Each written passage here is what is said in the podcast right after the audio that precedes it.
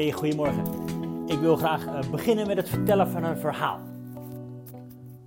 Op een dag zegt vader tegen zijn dochter: Hey joh, ik wil dat je je kamer gaat opruimen. En de dochter gaat naar boven. En een paar uur later komt ze weer beneden. En natuurlijk is dat het eerste wat vader aan dochter vraagt: Heb je je kamer ook opgeruimd? En die dochter kijkt hem aan en die zegt: Pap, ik, eh, ik heb er eens goed over nagedacht. Ik heb een studie gedaan. En ik weet nu wat kameropruimen betekent in het Grieks en in het Hebreeuws. En ik heb een vergelijkende studie gedaan. En ik weet precies wat je ermee bedoelt als je dit zegt. En ook in de context van de huidige tijd heb ik echt een heel goed beeld gekregen van wat het zou betekenen als ik mijn kamer zou opruimen. Vader kijkt naar zijn dochter en die zegt: Joh, dat is echt hartstikke mooi. Maar de vraag is: heb je ook echt je kamer opgeruimd? En die dochter zegt: Hé hey pap, en, en ik heb er ook nog over nagedacht en over gemediteerd. En, en ik weet ook echt waarom je deze vraag aan mij stelt. En ik, ik weet ook dat, je, dat het geen voorwaardelijke liefde is. Dat je niet pas van mij houdt als ik mijn kamer heb opgeruimd. Maar dat je ook nu al van me houdt. En dat je juist daarom aan mij vraagt of ik mijn kamer wil opruimen. Omdat het goed is voor mij omdat ik er rustiger van word in mijn hoofd en in mijn lijf en meer vrede kan ervaren als mijn kamer opgeruimd is. Dus ik weet ook waarom je die vraag aan me stelt. Dank je wel daarvoor. En die vader zegt, joh, ik vind het nog steeds hartstikke mooi, maar de vraag blijft natuurlijk, heb je je kamer ook opgeruimd? En het antwoord is nee. nou ja, misschien wel een eh, herkenbaar verhaaltje voor sommigen van ons op bepaalde fronten. Ehm, maar dat is wel een klein beetje de insteek van, waarom we onze diensten doen zoals we ze doen. En waarom we de preken invullen zoals we ze invullen. Omdat we graag willen dat we dingen in de praktijk brengen. We kunnen nog zoveel weten en snappen en kennis toevoegen en ons hoofd voeden. En dat is mooi en dat is belangrijk en dat heeft zijn plek. Maar het is maar een klein gedeelte van uiteindelijk van waar we, waarvoor we geroepen worden. Namelijk, als discipelen van Jezus willen we Hem liefhebben met heel ons hart en met onze ziel. En met ons verstand, ja natuurlijk, en met onze kracht. Dus natuurlijk ook vandaag zullen er best wel wat dingetjes in zitten in de preek die uh, tot je verstand spreken. Maar ik hoop en ik bid ook echt dat het dingen zal bevatten die tot je hart en tot je ziel spreken. Waardoor je in actie gaat komen en dingen praktisch gaat maken. Dat is uiteindelijk waarvoor we geroepen zijn, denk ik. Nou, vorige week hebben we de serie afgesloten over nieuw leven. Bekeer je en laat je dopen. Dat is natuurlijk bij uitstek iets heel praktisch. Kom in beweging, ga het doen. Daar hebben we vorige keer naar gekeken en besloten toen af met een doopdienst. Hè, en dopen als in opstaan in een nieuw leven. En het is nooit alleen maar doel op zich, maar juist een beginpunt. Want we gaan leven in een nieuw leven vanuit onze door God gegeven identiteit. En dat is iets wat we regelmatig herhalen met elkaar. Die, die tekst uit 1 Petrus, die daar ook op de banner staat. Maar u bent een uitverkoren geslacht. Dat is wat God over ons, over jou en mij en onze broers en zussen uitspreekt. U bent een uitverkoren geslacht, een koninkrijk van priesters. Wat betekent dat? Dat jij koninklijk genoemd wordt. En dat je een priester genoemd wordt. Dat je deel uitmaakt van die heilige natie, van Gods volk. Dat Hij zich verworven heeft om de grote daden te verkondigen van Hem die u uit de duisternis heeft geroepen naar zijn wonderbaarlijk licht. Dat is onder andere een gedeelte van de identiteit zoals God die voor jou en mij bedoeld heeft. En die we mogen gaan omarmen en ontvangen en gaan uitleven als een volgeling van Jezus. Nou, dat was de vorige serie. De komende paar weken gaan we aan de gang met een nieuwe serie die heet hè, Naar het licht. We lazen het net. Van hem die je geroepen heeft uit de duisternis naar het licht. Het is natuurlijk ook bijna kerst. Maar door de hele Bijbel heen wordt dat metafoor gebruikt. Hè? Jezus als het licht van de wereld. Jij en ik die licht van de wereld genoemd worden door Hem. Jezus als de stralende morgenster. Overal door de hele Bijbel heen zie je dat metafoor. Licht is goed. duisternis niet. en je wilt dan ook leven in het licht. Kom uit de duisternis, leef in het licht. Want dat is een, een, een, eh, een oproep in de Bijbel. En dat is ook iets wat we van nature verlangen, denk ik. In het licht willen leven. Daar waar het goed is, daar waar het veilig is. Maar ook daar waar we dingen misschien onder controle hebben. Of kunnen snappen of goed zicht op hebben. En dat gebeurt al uh, helemaal in het begin van de Bijbel. Maar wat we kunnen leren in Genesis 1, en dat vond ik wel typisch om te lezen, staan we misschien niet zo bij stil, maar in Genesis 1 leren we ook al dat naar het licht toe een beweging is van het donker af. In Genesis 1 staat, en het was donker en het werd licht. En het was donker en het was licht de eerste dag. Het was donker, het was licht de tweede dag. Het was donker, het was licht de derde, vierde enzovoort dag. De Bijbel begint dus een dag bij donker en je beweegt toe naar het licht. Maar allebei hoort het bij een dag. Je beweegt vanuit duisternis naar het licht. Maar die periode van duisternis, die hoort er wel bij. En dat is misschien niet altijd makkelijk, want we zijn liever inderdaad in het licht. En dat zien we ook al beginnen in Genesis. Nadat de mens uit de Hof van Eden moet vertrekken, komt hij terecht ten oosten van de tuin. En wat gebeurt er in het oosten? Je raadt het al, dat is waar de zon opkomt. Daar waar het licht wordt. Adam ten oosten van de Hof van Eden. En later, Kain trekt verder naar het oosten. En later nog een keer lezen we de toren van Babel. Het toppunt van leven zonder God misschien wel, is nog verder naar het oosten. De mens die altijd op zoek is naar daar waar het licht is, daar waar controle is, daar waar duidelijkheid is, daar waar we alles zelf wel kunnen zonder God. En dan lezen we voor de eerste keer dat er naar het westen wordt getrokken in het verhaal van Abraham. God die Abraham roept en zegt: Ga op weg naar het land dat ik je tonen zal. En Abraham komt uiteindelijk, trekt hij naar het westen, daar waar het niet de zon opkomt. Je zou kunnen zeggen figuurlijk daar naar een plek waar het donker is, waar het onbekend is. Dat lezen we ook in Hebreeën 11, waar staat: Abraham ging op weg zonder te weten waar hij naartoe ging. Oftewel reizen in het duister tastend. Hij wist het niet. Een plek waar het niet licht was, maar juist donker. En ik wil eigenlijk daar vanochtend de focus op leggen. Op een plek in het donker. Hoe gaan we om met een donkere nacht van de ziel? Hoe gaan we om met tijden van als het donker is? Als je het even niet meer weet, als je het even niet meer snapt, als het leven moeilijk, zwaar, verdrietig is. Als er angst is, als er depressies zijn, als er burn-out is, als er dingen tegenzitten. Hoe gaan we om met een tijd van donker? Nou, deze serie Naar het licht doen we aan de hand van het verhaal van Jozef. Niet de Jozef van Maria, maar de Jozef, de achterkleinzoon van Abraham. Ik wil graag een stukje met je lezen uit Genesis hoofdstuk 37. Daar staat het volgende. Jacob woonde in het land waar zijn vader als vreemdeling gewoond had, in het land Canaan. Dit zijn de afstammelingen van Jacob.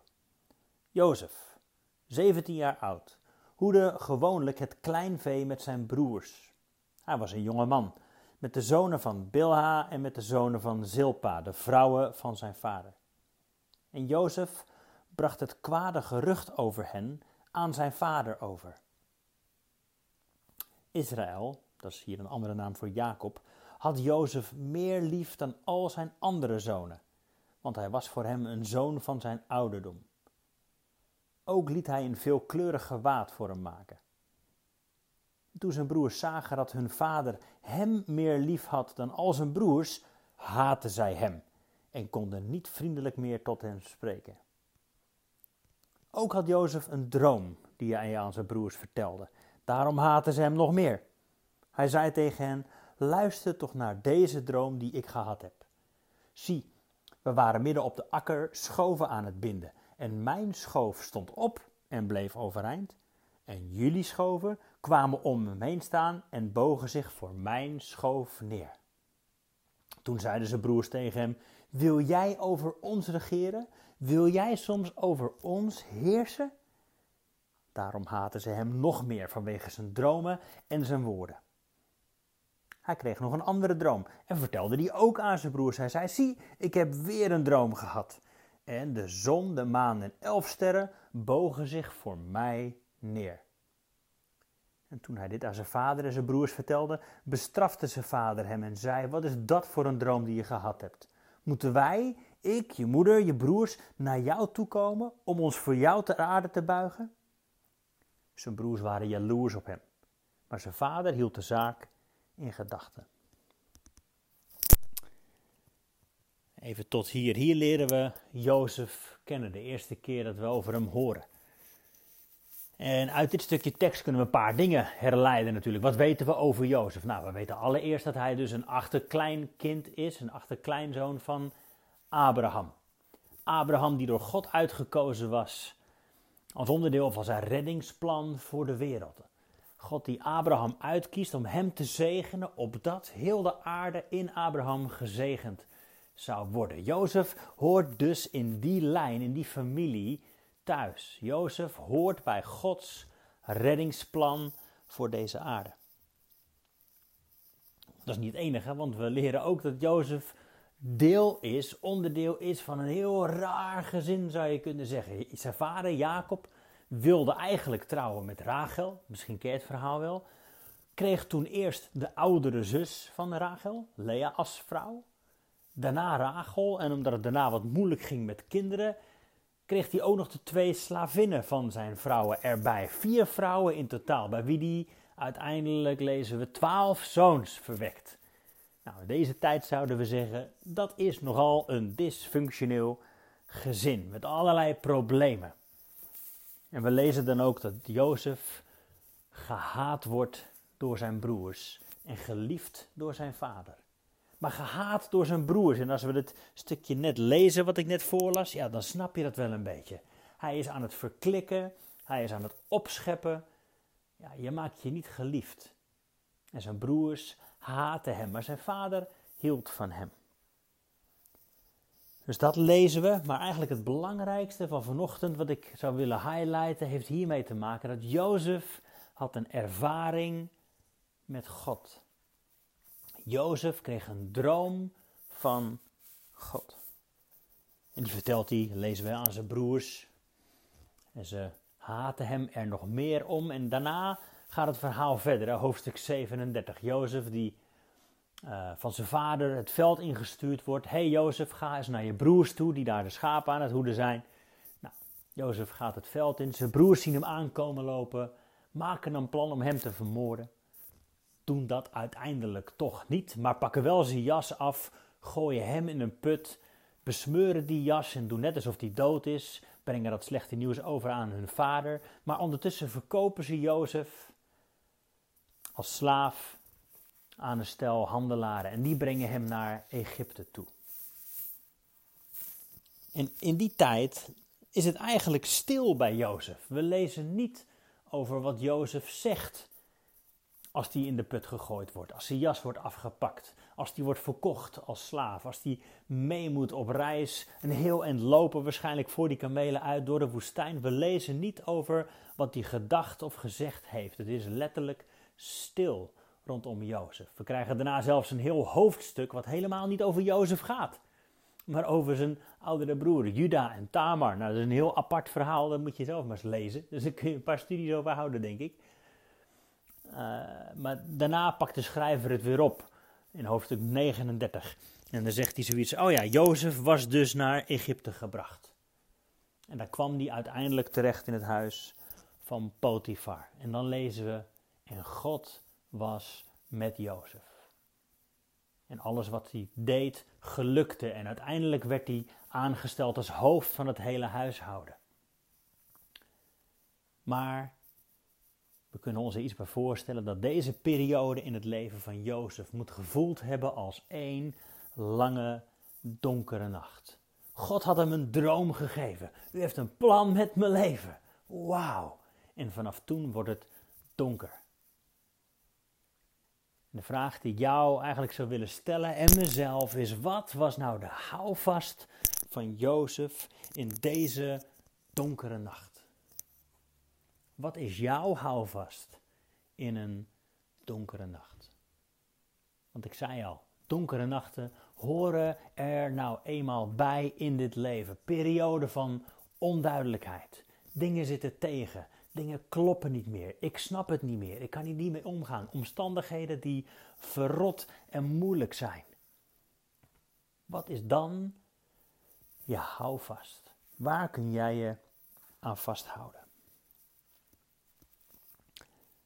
Iets anders wat ik in dit kader ook zou willen vertellen, eventjes droppen als een gedachte, stoei daar eens lekker mee, is het volgende.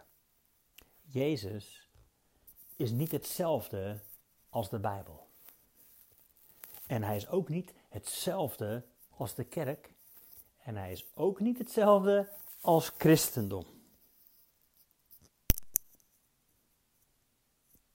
Jezus is niet hetzelfde als de Bijbel. Natuurlijk, de Bijbel getuigt van Jezus, wijst op wie Jezus is.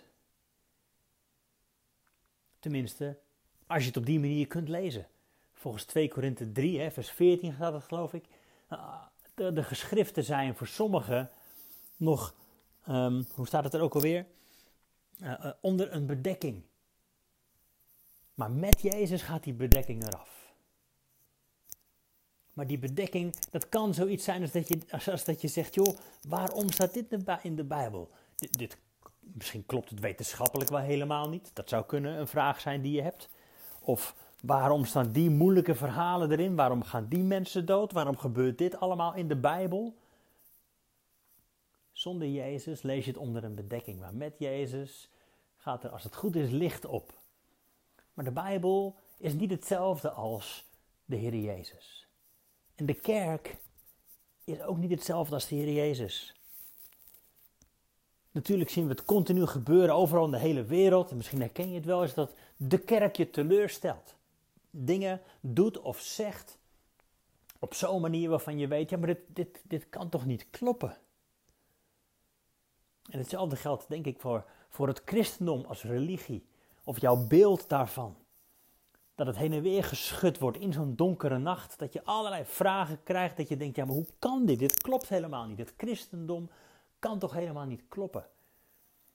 En ik denk, een van de tragedies van deze tijd is dat we daar één pakket van hebben gemaakt. Als we moeite hebben met het christendom, dat we dan Jezus ook de deur uit bonjouren. En dat hoeft niet, dat moet niet. Dat is niet nodig, want Jezus is veel groter, veel mooier, veel sterker dan de Bijbel, of kerk, of christendom.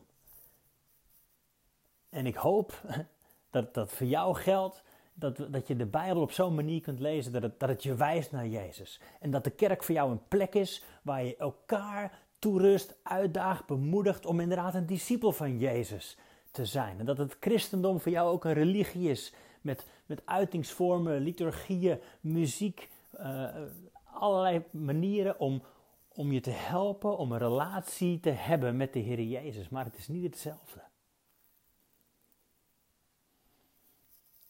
Het is niet hetzelfde. En ik denk dat dat stuk wat we net gelezen hebben over Jozef, is dat dat wat zijn houvast was, was niet per se zijn theologie, dat zal hij nog allemaal niet zo gesnapt hebben, maar hij had wel een ervaring, een openbaring van God zelf gehad. En dat was zijn houvast in zijn donkere nacht.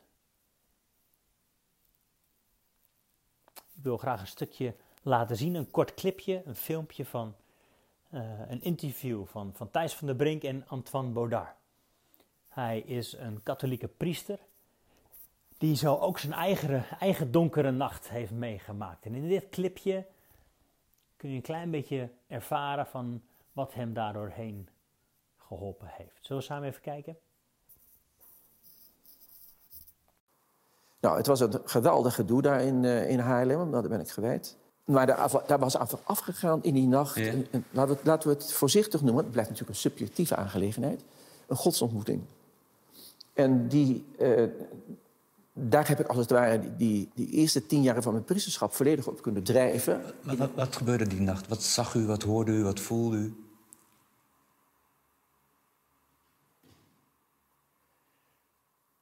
Maar dat zijn allemaal. We hebben, onze taal is zo arm. Ehm, hij trok me als het ware naar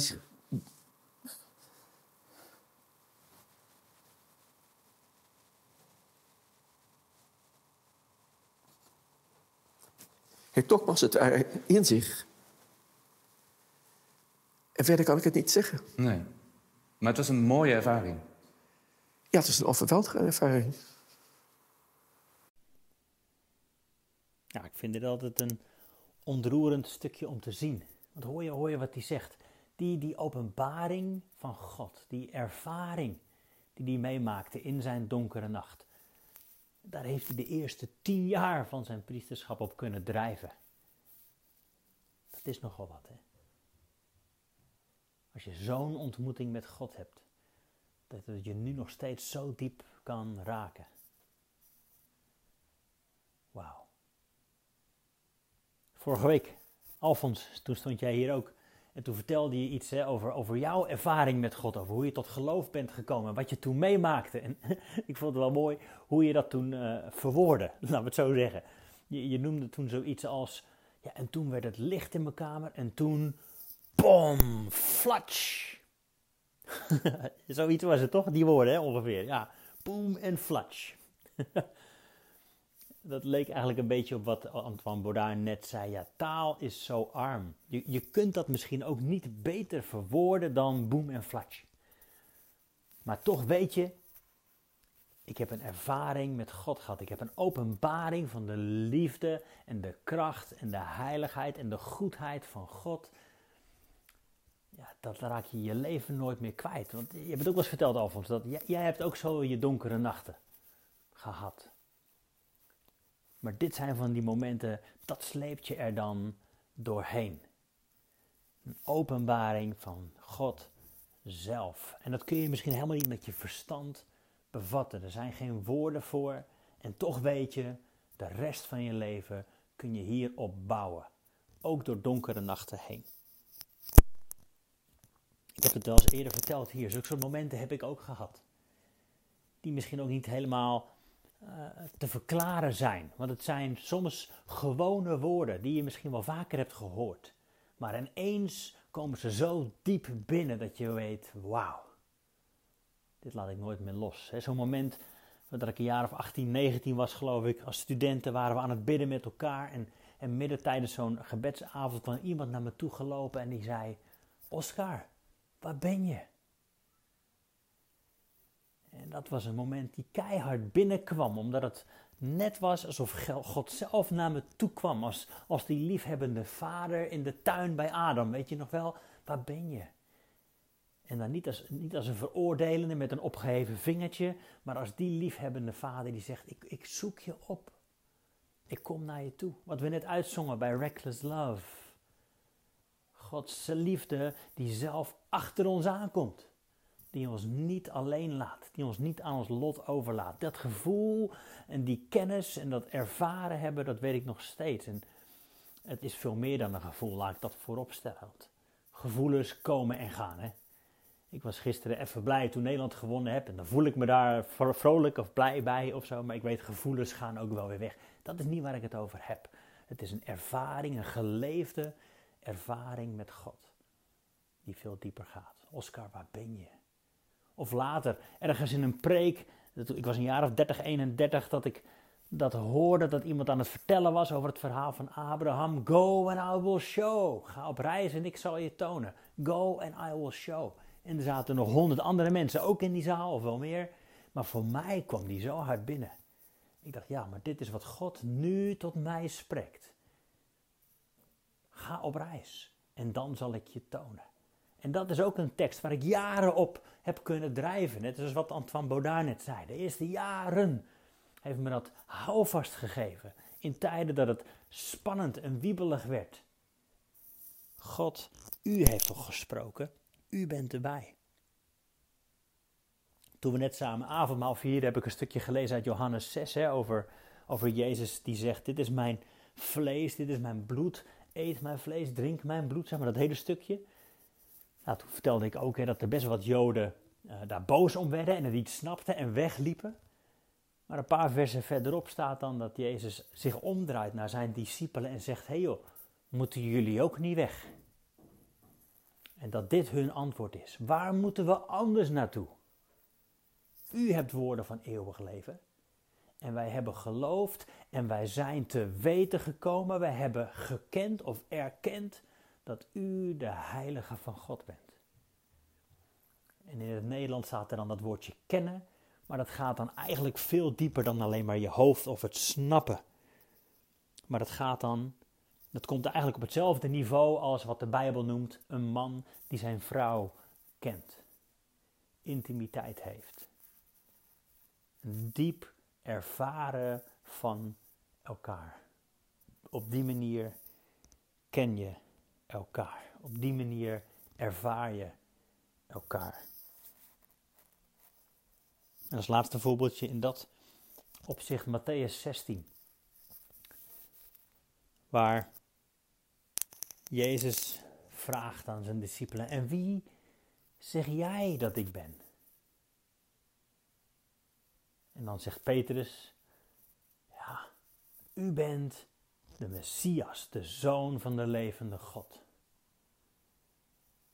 En Jezus zegt dan: Vlees en bloed hebben jou dat niet openbaard, maar God zelf heeft dat aan jou openbaard. En op deze rots bouw ik mijn kerk. En hoe ik hem lees, hoe ik het snap en begrijp, is dat Jezus als het ware zegt: op die openbaring van God zelf, daarop bouw ik mijn kerk. Op de openbaring van God, dat Hij zich laat zien als de, Heilige van Israël. Dat Hij laat zien wie Jezus nou eigenlijk is. En dat Jezus laat zien wie God eigenlijk is. Op die openbaring kan God zijn kerk bouwen. Op die openbaring kun jij je leven bouwen. Op die openbaring kun je terugvallen in je donkere nacht. Het weten, het ervaren in je hart, in je ziel, in je verstand en in je lijf. Dat Jezus Heer is en dat Hij goed is, dat Hij liefde is, dat Hij heilig is en dat Hij bij je is en voor je is. Dat hoop ik en bid ik dat jij dat ook ervaart. Want als er dan tijden zijn dat je misschien de Bijbel niet meer snapt, misschien de kerk even niet meer leuk vindt, misschien het christendom maar raar vindt, dat zijn tijden dat je moet kunnen terugvallen op de Heer Jezus. Hij is onveranderd goed. Hij is onveranderlijk. Hij is dezelfde en als je één keer die openbaring hebt gehad in je leven, dan weet je dat je daar voor eeuwig op kunt bouwen. Ik stel die net de vraag: wat is jouw houvast in je donkere nacht? En die donkere nachten, mensen, die horen helaas bij ons leven als mens. Die kennen we allemaal. Die tijden dat een geliefde overlijdt. Misschien dat je je baan kwijtraakt of dat je burn-out of overspannen bent. Dat er verdriet is, dat er lijden is, fysiek of emotioneel. Wat voor vlak dan ook. Een donkere nacht in je leven. Waar kun je op terugvallen? Ik hoop, en daar wil ik je graag op wijzen, je kunt altijd terugvallen op die ervaring die jij met God hebt. Op die openbaring die God zelf aan jou laat zien. En ik zei God nodigt ons uit om Hem te zoeken met heel ons hart, heel onze ziel, al ons verstand en al onze kracht. We zijn er best heel goed in geworden over de afgelopen eeuwen hier in het Westen om Hem te zoeken en te snappen met ons verstand. Maar ik hoop dat ik iets in je wakker heb gemaakt over Hem gaan zoeken met je hart. Het open gaan staan voor een ervaring een openbaring van God zelf in je hart, in je lijf, in je ziel. Diep, diep, diep van binnen. Dieper dan gevoel, dieper dan verstand. Een paar sleutels wil ik je graag meegeven voordat ik ga afsluiten over hoe je die openbaring kunt ervaren. En eigenlijk is dan de eerste een soort van tegenstelling, want zoek altijd God zelf. Zoek nooit een openbaring of een ervaring, maar zoek God zelf. Zoek Hem met heel je hart, ziel, verstand en kracht. Jeremia 29 gaat daarover, waarin God zelf zegt, als je mij met heel je hart zoekt, dan zul je mij vinden. Psalm 27, waarin David dat als prioriteit maakt. Eén ding, één ding verlang ik. Al die andere dingen die komen later wel, maar één ding verlang ik. Te verblijven in het huis van de Heer al de dagen van mijn leven en Hem te aanschouwen. Naar Hem te kijken. En Hem te zoeken in zijn huis. Zoek God. Vind daar manieren voor. dat is mijn tweede punt ook. Verwacht het. En ga jezelf op zo'n manier positioneren dat je dat mogelijk gaat maken. Dus zoek daar manieren voor. Maak daar een, een routine van. Of een, een, richt er een plek voor in. Wat ik pas een keertje gedaan heb. Dat is ook een maniertje. En misschien past dat niet bij je, misschien wel. Dan moet je, je moet er echt zelf mee aan de gang. Maar wees er open voor. Ehm, ik, ik had pas bijvoorbeeld, als ik mij indenk waar zou ik Jezus willen ontmoeten? Dan stel ik mij dat altijd voor, als ik dan mijn verbeelding gebruik, dat mag, je mag je verbeelding gebruiken, dan, dan doe ik dat bij het strand en de zee die ruist. Dus wat ik pas een keer gedaan heb, ik heb mijn Spotify playlistje even opengezet en ik zocht daar een, een soort playlist met geluiden uit de natuur. En ja hoor, acht uur lang een ruisende zee. Ik heb mijn koptelefoontjes op, even aangezet, het geluid van de ruisende zee. Ik deed mijn ogen dicht en ik was op het strand. En dan ervaar ik dat Jezus inderdaad naar me toe komt lopen en even naast me staat. En dat is genoeg. En op zo'n moment hoef ik even niks te zeggen, hoeft hij even niks te zeggen, maar daar was hij en het was goed. En dat is een voorbeeld van een manier waarop je kunt ervaren dat God bij je is. Ik zou je willen aanmoedigen, ga daarmee aan de gang. Maak dat concreet, maak dat praktisch. Maar ook geef het de tijd. Geef het de tijd. En heb het erover met anderen. Ik wil je echt aanmoedigen om dit ook als connectgroep op te pakken en hier samen over te praten. hey, hoe werkt dat bij jou? Wat heb jij wel eens meegemaakt? Of wat zijn valkuilen? Wat zijn wat zijn obstakels, maar ook wat zijn lukmomenten? Wat, wat heeft nou jou geholpen om je aan vast te houden in tijden van een donkere nacht? Ik wil je vragen om te gaan staan. Dan ga ik afsluiten met een gebed. En daarna zullen we nog een lied zingen samen. Maar vader, dank u wel dat u zich inderdaad laat kennen als een liefdevolle vader. Die precies weet wat zijn kinderen nodig hebben. U kent ons. En ieder. U kent ons hart. U weet waar we vandaan komen, waar we nu zijn en wat we nodig hebben om verder te kunnen.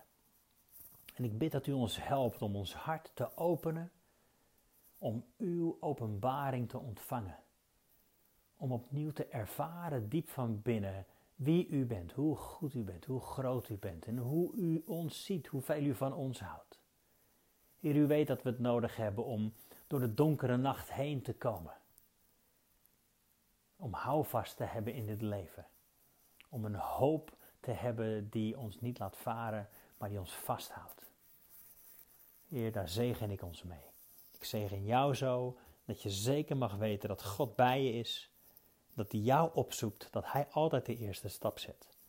Dat hij zichzelf op een frisse, verse, nieuwe manier aan, zich, aan jou wil openbaren. In Jezus' naam. Amen.